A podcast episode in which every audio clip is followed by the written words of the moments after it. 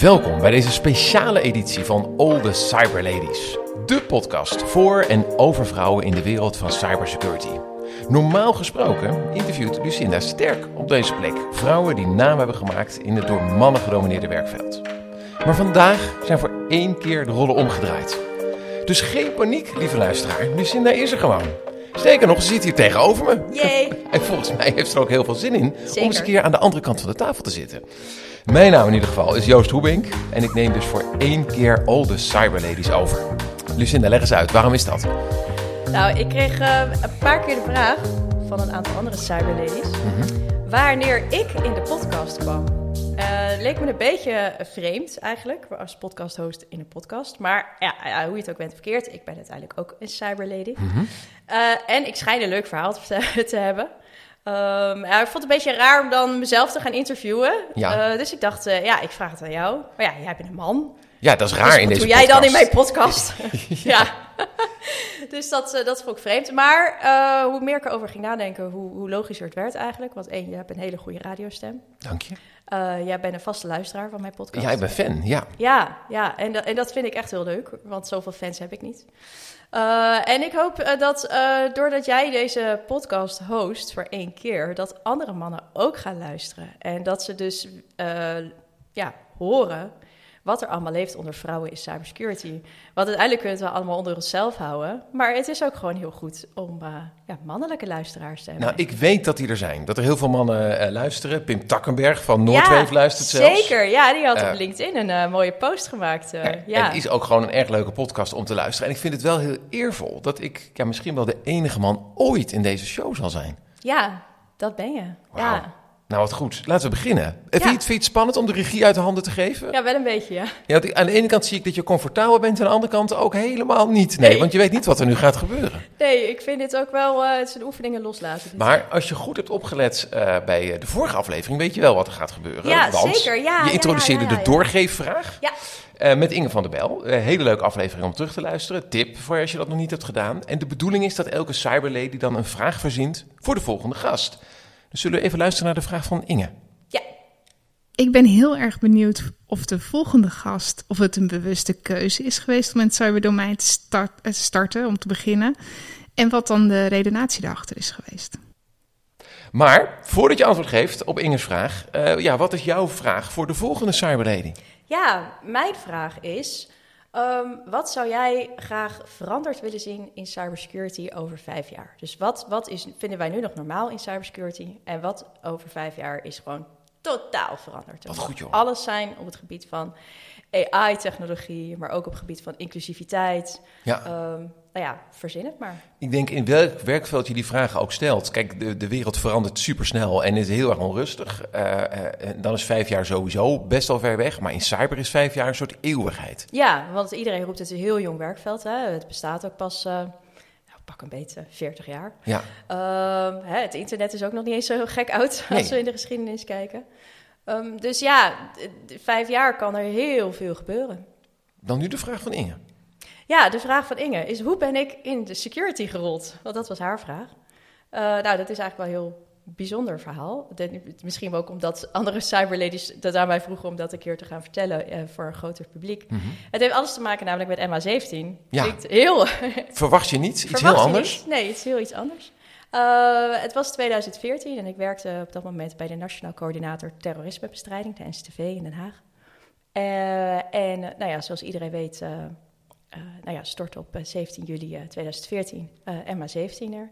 Ik zat toen in het eh, kernteam crisiscommunicatie, dus dat zijn dan de mensen binnen de top van de ministeries die zich bezighouden met communicatie op het moment dat er een incident plaats heeft. Wauw, en dit was wel echt een heel heftig incident. Dit was een heel heftig incident. Dit hadden we nog nooit meegemaakt Nee. op deze omvang. Ehm, en ja, dan word je allemaal eh, teruggeroepen hè, als je vrij hebt. Nou, dit gebeurde op een donderdag. Nou, in het weekend word je dan ook natuurlijk geacht om terug te komen naar het ministerie. Dus ik zat daar met een heleboel collega's. Eh, en op dat moment was er ook eh, eh, ministerieel overleg crisispersing geweest, MCCB. Dus zitten alle ministers, betrokken ministers, zijn dan aan het vergaderen, inclusief de minister-president, Mark Rutte destijds. En die kwamen met het verhaal, ja, woensdag daarna zou de dag van nationale rouw zijn. Dan moest er een advertentie komen in alle nationale dagbladen namens het kabinet. Uh, en waarin ze dus ook alle namen van alle 298 slachtoffers van MH17 moesten komen. Uh, dus ja, dan moeten wij aan de slag. Uh, ja, want iemand moet die advertentietekst iemand opstellen. Iemand moet die advertentietekst ja. opschrijven, ja. Dus daar, daar moet je dan over gaan nadenken met een team. Nou ja, wat zet je in zo'n advertentie? Weet je, dat is al natuurlijk heel bizar. Uh, en dan moeten dus alle 298 namen in zo'n advertentie komen. Ja, hoe zet je die dan neer op alfabetische volgorde of niet? Mm -hmm. Ja, als er waren ook gezinnen bij. Dames reizen onder een meisjesnaam, dus die passen dan niet in het rijtje met, uh, met Ja, de familienamen. ja. Zet je ze op nationaliteit, want er zaten heel verschillende nationaliteiten ook aan boord. Uh, nou ja, dus daar ben je dan de hele tijd mee bezig. Uiteindelijk heb ik samen met een collega uh, de passagierslijst opgevraagd bij Malaysia Airlines. En ik weet nog dat er zeven dubbelzijdige A4'tjes uit de printer rolden. En ik dacht, shit, dit is echt bizar. Weet je, gewoon al die 298 mensen. Wat een zinloos dood. En dan ga je dus die namen eigenlijk, moesten we die overschrijven. Want ja, dat moet dan in een ander format. En dat moet zo netjes mogelijk gebeuren met zoveel mogelijk respect uiteraard. En ik was bij de A of bij de B, ik was eigenlijk pas heel kort in het, uh, in het proces. En ik typ vijf dezelfde achternamen. En ik denk, ja, dit is, dit is mijn gezin. Ik heb uh, een man en drie kinderen. En ja, we zijn met z'n vijf thuis. En ik zie mezelf in dat vliegtuig zitten. Mhm. En ik trek wit weg en ik word helemaal hysterisch. En ik, en ik, ik zie een collega naar me kijken. Die zegt, gaat het wel? Ik zeg, nee, gaat gewoon echt niet. Ik zeg, ik zie mezelf in dat vliegtuig Ja, ja. Ehm, dus nou ja, dus ik, dus, ik, dus ik word weggeleid en ik word naar huis gestuurd. En dan komt slachtofferhulp komt dan aan de deur. Dat wordt allemaal vanuit het ministerie geregeld. Uh, en, die, en, die, en die psycholoog zei, ja... Zeg, gefeliciteerd Lucinda. Ik zeg, gefeliciteerd, is dat nou weer voor onzin, weet je? Dat, is, dat zeg je toch niet? Hij zei, ja, je bent een mens. En dit raakt je. Ja. Ja, ja. Dus ja, ik zat ook op dat moment nog vol in de borstvoeding van de jongste. Weet je, dan ben je al helemaal hyper en emotioneel en, en onder de hormonen. Je was er wat emotioneel Ik was al beladen. wat emotioneler beladen, maar dit was wel echt, echt wel heel heftig. Dus ik ben er ook echt wel een poos uit geweest. En ik heb ook echt wel hulp gekregen daarna van, van psychologen en Ja. uh, EMDR-therapie uh, voor mensen die dat wat zeggen. Om, uh, ja, om van dat beeld af te komen. Ja, want het was omdat je, denk ik, in die periode, in die dagen, Ja. zoveel heftige dingen Ja. hebt gezien.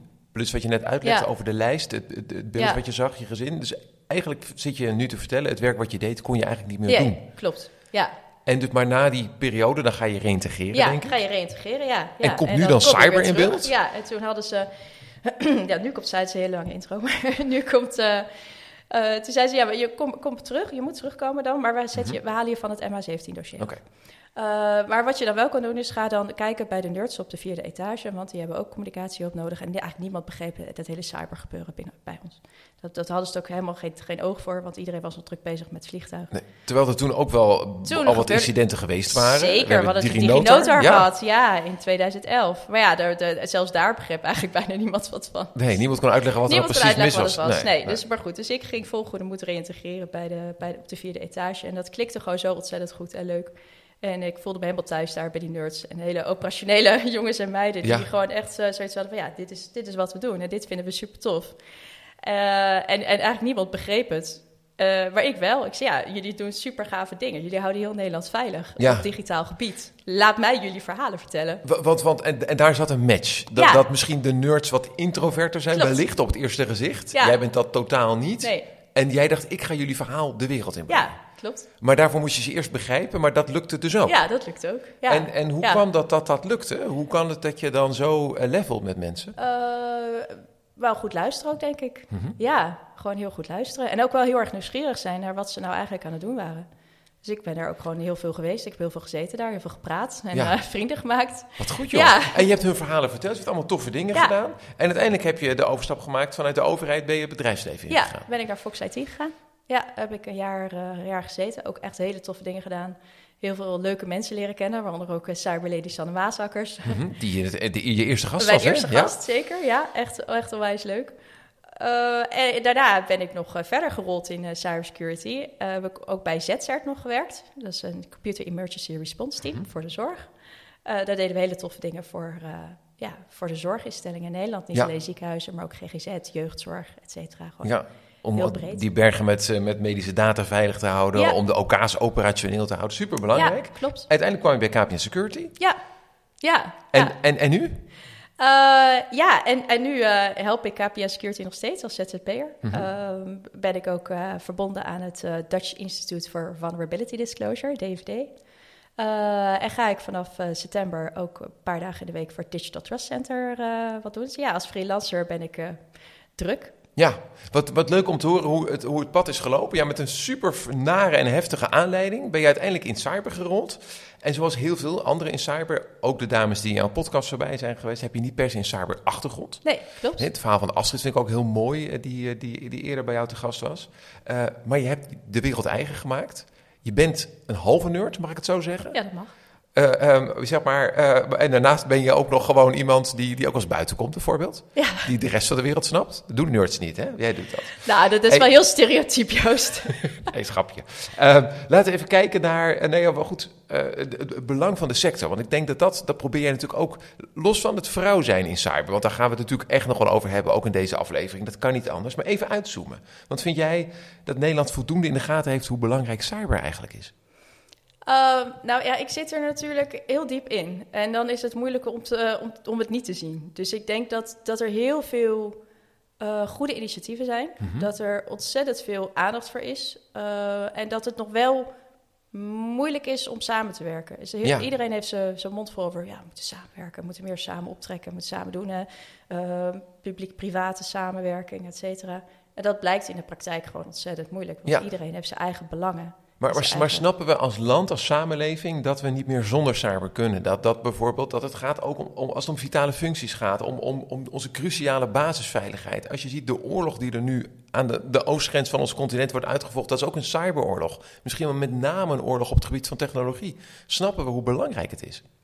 Ik denk dat er zeker mensen in Nederland zijn die snappen hoe belangrijk het is. Ik denk dat alleen op politiek niveau daar nog wel wat, ja, daar nog wel wat aan schort. Ja. ja, je merkt in het parlement zijn er weinig echte cyberspecialisten. Zeker. Er zitten er een paar tussen. Nou, die, die Queenie Rijkowski van de VVD, die koester je natuurlijk. Ja, uh, die wil ik ook heel graag nog een keer interviewen. Die moet je zeker uitnodigen. Zeker. Ja. Volgens mij heeft zij ook een heel mooi verhaal over hoe zij in cyber gerold is. Um, maar, maar er gebeurt heel veel, er is heel veel aandacht voor. En tegelijkertijd lijkt het in de politiek misschien nog een beetje te hangen. En snappen mensen in de samenleving ook niet wat het betekent als ze bijvoorbeeld een dag niet meer kunnen pinnen. Wat er dan al gebeurt, alleen al. Maar goed, of als uh, DigiD eruit zou liggen. Uh, nou ja, toestanden.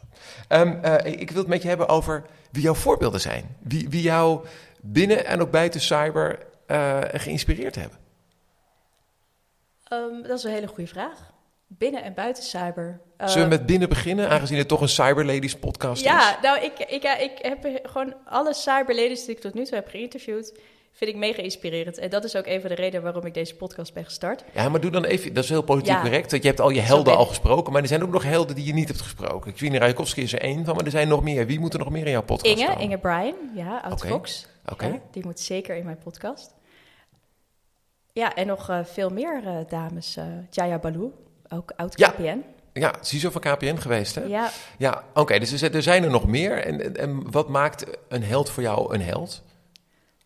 Ik denk dat ehm, zij hele sterke vrouwen zijn. Die Mhm. ook echt wel hun, eh, hun mannetje staan in deze mannenwereld. Oké, Daar heb ik heel veel respect voor. Ja, eh, wil ik het ook zo met je over hebben. Over dingen die jou misschien zijn overkomen. Misschien goed om dat ook hier in je eigen podcast eh Ja, daar te ik- dat vraag ik wel altijd ook aan... Ja, dat ja, ga ik ook vind, aan vind je jou dat niet raar om dat als man aan mij te vragen dan?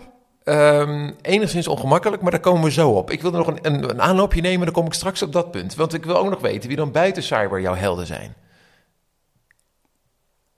Buiten cyber. Nou ja, ik, ik had wel altijd een enorme eh, bewondering voor Madeleine Albright. Oud-minister van Buitenlandse eh, Zaken ja, van de Verenigde Staten, Ja, klopt. Onder Clinton. Zij is helaas eh, een aantal jaar geleden overleden. Ehm, toen ik op de middelbare school zat, wilde ik altijd Madeleine Albright worden later. Eh, minister van Buitenlandse Zaken. Mhm. Ja. En dan de wereld overreizen Ja. en dan super stoer zijn. Maar sinds Sigrid Kaag weet ik niet meer of ik dat nog heel graag wil. Jeetje, je heeft het heel zwaar gehad. Zij zou ook een van je helden of ins- inspiratiebronnen kunnen zijn. Maar je kiest het voor wat verder weg, Madeleine Albright. Wat maakte dat, zij, dat ze jou zo raakte dan? Ik denk wel dat ze aan de ene kant hele, zich heel kwetsbaar durfde op te stellen. Ook wel echt als vrouw Mhm. liet, liet zien. Maar wel eh, niet bang was om, eh, om kwetsbaar te zijn. Ah. En om daarin eh, ja, ook met wereldleiders te praten. En, en die wereldleiders dan ook als mensen te zien. Ah, is heel... En dat is ook altijd wat ik altijd heel erg probeer als ik met... Nou ja, je hebt het over helden. Ja, ik vind uiteindelijk is iedereen... ja, wel een soort held? Of zijn we het hele begrip held aan het devalueren? Want, Maar dit is toch fijn, beste luisteraar. Jij bent ook een held. Ja, hoor. Lucinda zegt het zelf. ja, Wat ieder- goed. Maar, maar even Melanie Albright. maar- Zij, zij heeft eh, respect afgedwongen als, als, als dochter van, van twee eh, immigranten uit, uit Europa. Ze heeft het gemaakt in Amerika. Bijna het hoogst haalbare heeft ze daar gehaald. Ze heeft de vrouwen en de politiek op de kaart gezet. Dus zij was je held. Dan, zij functioneerde in een wereld. En nou maar, kom, maar gaan we het bruggetje naar de mannen maken. Een wereld die door mannen werd gedomineerd. Zeker eh, Amerikaanse politiek in de jaren negentig. Nou, daar is Clinton natuurlijk zelf een, eh, een voorbeeld van. Gaan we ooit, Lucinda Sterk, naar een wereld toe waarin bijvoorbeeld deze podcast overbodig is? Een wereld die niet meer wordt gedomineerd door mannen. Mm, ik hoop dat we naar een gelijke wereld gaan. Met name binnen cybersecurity. Dan ben ik Ja. natuurlijk weer heel politiek correct. En mijn podcast wordt natuurlijk nooit overbodig. Dat is natuurlijk gewoon echt Die blijft. sowieso. blijven blijft het. altijd blijft inspirerende om voorbeelden, verhalen ja. te luisteren en inspirerende voorbeelden. En, eh, en absoluut. En misschien als jouw podcast goed wordt ontvangen, Joost, misschien wil ik dan ook nog wel een keer mannen uitnodigen. Nee, dat moet je niet. Dan ga je het hele format Ja, dan ga je het hele format Bovendien, dan is het helemaal niet eervol Nee. dat ik hier nu zit. Nee, dus zit nee, straks Ronald Prins hier eh, vragen te stellen of vragen te beantwoorden. Dat gaan we niet doen. Nee, dat gaan Die we moet niet in doen. een, Nee. zijn eigen podcast gaan zitten nee, maken. klopt. Nee, kijk, eh, ehm, weet je zegt de wereld moet gelijker worden. Moet, geldt dat dan voor alle sectoren van onze economie? Dat we meer gelijkheid moeten hebben tussen mannen en vrouwen? Moeten er ook eh, meer vrouwelijke stratenmakers komen? Of meer Nou, vrouwen in de afvalinzameling in de, werken? in de kinderopvang ook, hè, is natuurlijk ook hele Er moeten ook meer vrouwen werken, ja, Nee, vind ik ja, ook, ja. meer mannen Nee, natuurlijk. ja, ik.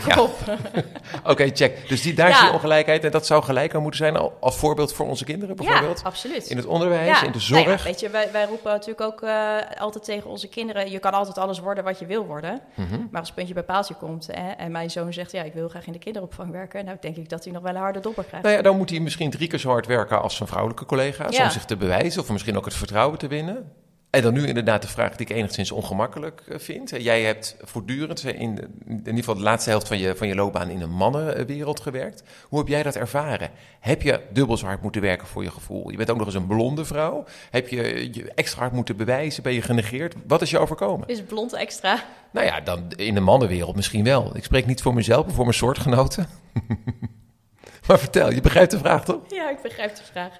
Nee, ja, ik heb natuurlijk ook. Ik, ik stel deze vraag ook heel vaak aan, eh, aan vrouwen die in mijn podcast komen. Omdat ik het ook heel belangrijk vind dat. eh, nou ja, dat we het bespreekbaar maken. Hè? Mhm. Eh, vaak wordt het toch een beetje weggestopt. Als zeiden, ja, bestaat het echt? Bestaat het echt? Nou, ik heb met name op de podcast van Lisa de Wilde ook wel reacties gehad van mannen die zeiden: Oh mijn god, weet je, is het echt zo erg? Mhm. Ja, dude, het is echt zo Ja. erg. Ehm, nou ja, ik heb het ook wel meegemaakt dat ik op een bijeenkomst was en dat ik alleen maar werd aangezien als een serveerster. Of dat een eh, mannelijke leidinggevende werd eh, verteld: Oh, eh, zoek jij ze alleen maar uit op uiterlijk of zo? En nou ja, alsof ik zijn assistent was. Jeetje. Seksuele intimidatie meegemaakt. ja, betasten, vervelende opmerkingen, appjes die je niet wil krijgen. Serie? Nou ja. Ehm, ja. ja, nou ja, dat soort. Maar, ja. maar ik weet niet. Ja, ik, heb, ik focus nu dan op cybersecurity. Ik weet Mhm. natuurlijk niet hoe het in andere sectoren is. Bij de overheid heb ik dit eigenlijk nooit in deze vorm meegemaakt.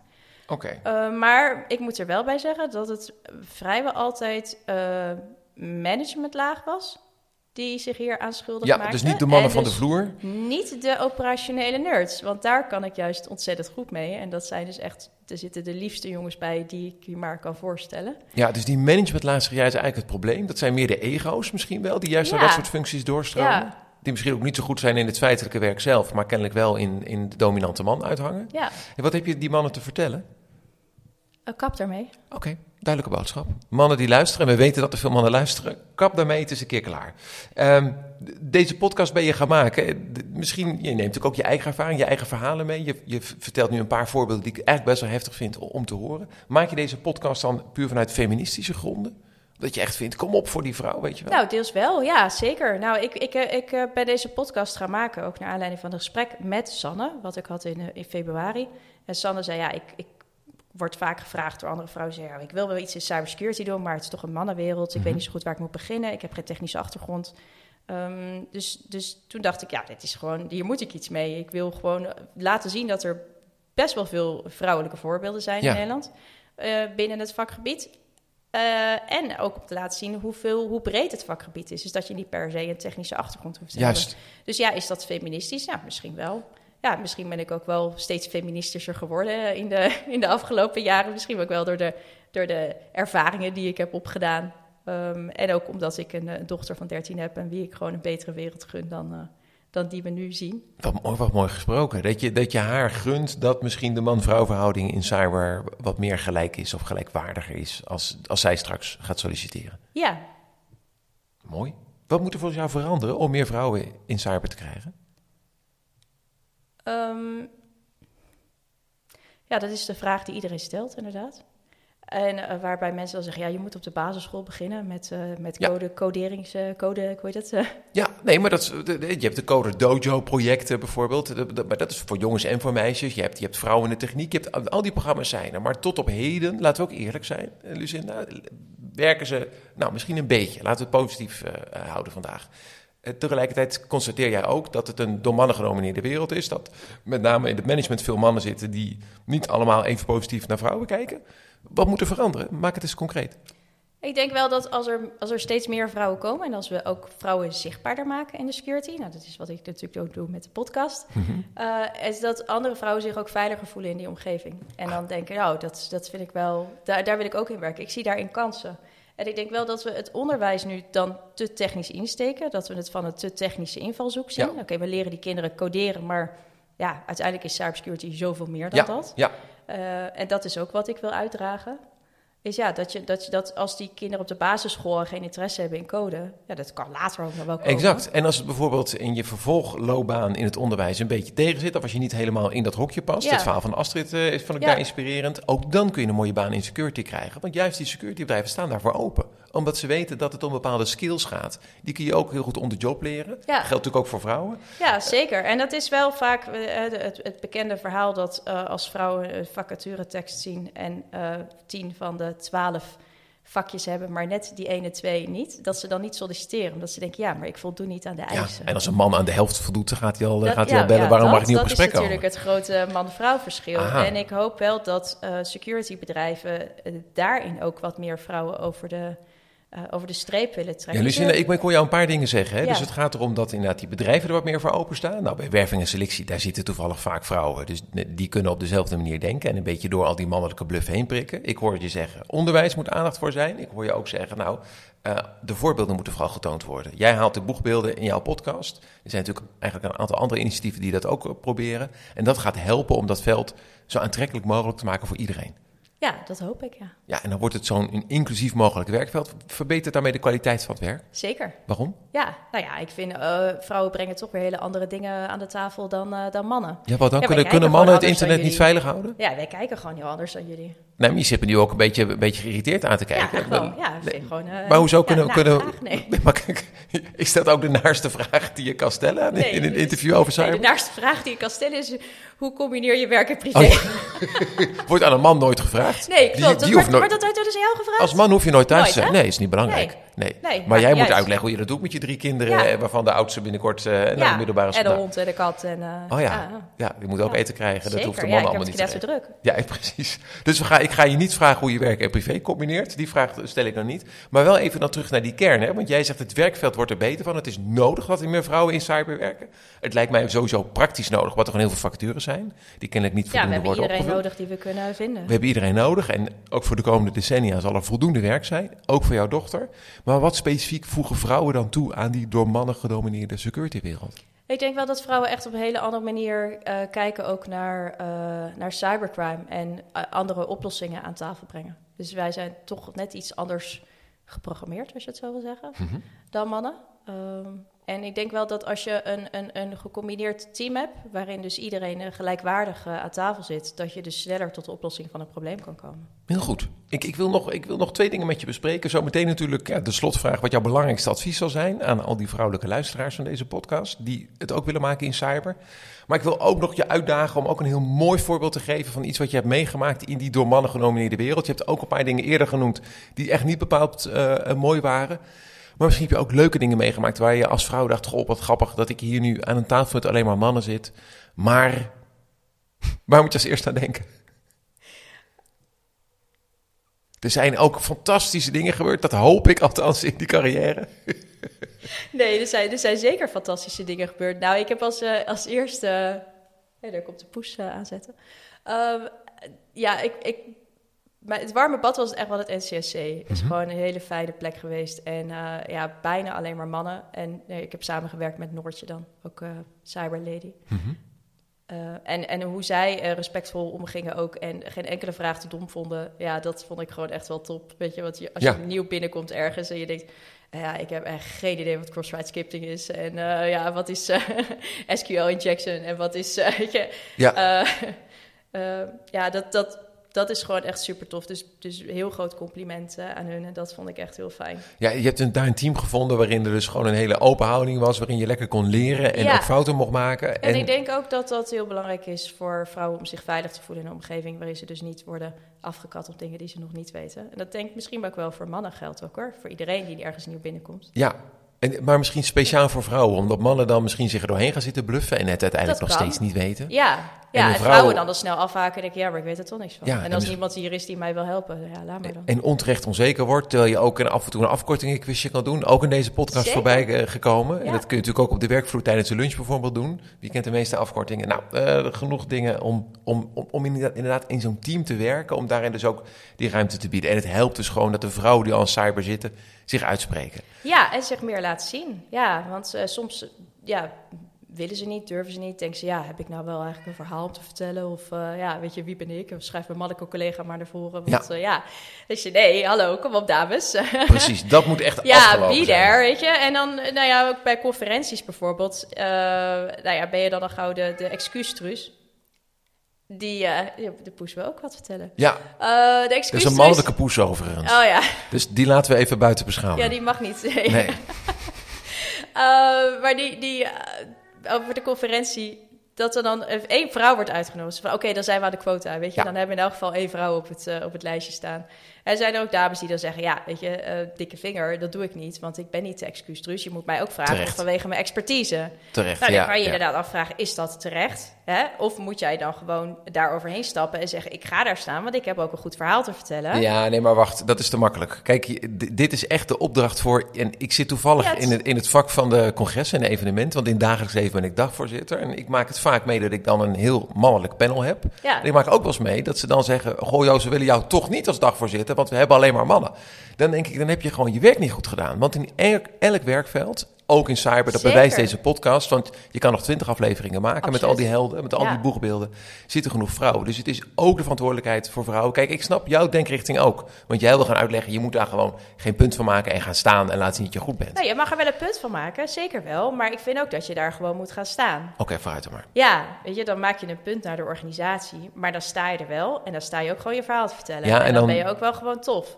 Ja, Ja, en want als je, je. er niet staat, dan ziet niemand je. En dan weten Vooruit. ze ook niet dat je er bent. En dan ben je nog steeds onzichtbaar. Dan ben je nog steeds onzichtbaar. Ook voor al die andere mannen die er wel gaan staan. En die misschien een veel slechter verhaal hebben. Maar die er wel staan omdat ze man zijn. Ja, ik denk oprecht dat dat zo is. Ja, Dus vrouwen, kom naar voren. En als je wordt gevraagd, niet vragen waarom ik word gevraagd, maar gewoon gaan staan. ja, En de volgende keer ben je niet de enige vrouw meer. ja klopt. Dan Heel zeg je nou, ik wil wel komen. Maar ik heb ook nog een collega, die wil ik ook bij hebben. Tot slot, Lucinda Sterk, host van All the Cyber Ladies. Wat is jouw belangrijkste advies voor vrouwen die luisteren en het ook willen gaan maken in cyber? Uh, don't be shy. Ja, gewoon ehm, je kansen pakken en over je eigen schaduw heen stappen, misschien wel over je eigen onzekerheid heen stappen. En denken, ik ga dit gewoon doen. Wauw. Ja, Zoals Ja. jij aan deze podcast begonnen ja, bent. zoals ik, ja, dat dacht ik ook. Denk ik, ga dit gewoon doen. En blijf daarmee doorgaan. Dat zeg ik niet alleen namens alle mannelijke luisteraars, maar namens alle luisteraars. Want het zijn ongelooflijk leuke verhalen die gedeeld worden. Dankjewel dat je ook vandaag bij deze aflevering over je eigen schaduw heen wilde stappen. En mij even de microfoon gunde. Het was heel moeilijk. Maar je hebt het fantastisch doorstaan. De volgende keer zit jij weer aan de andere kant van de tafel. Graag, dankjewel. Jij bedankt.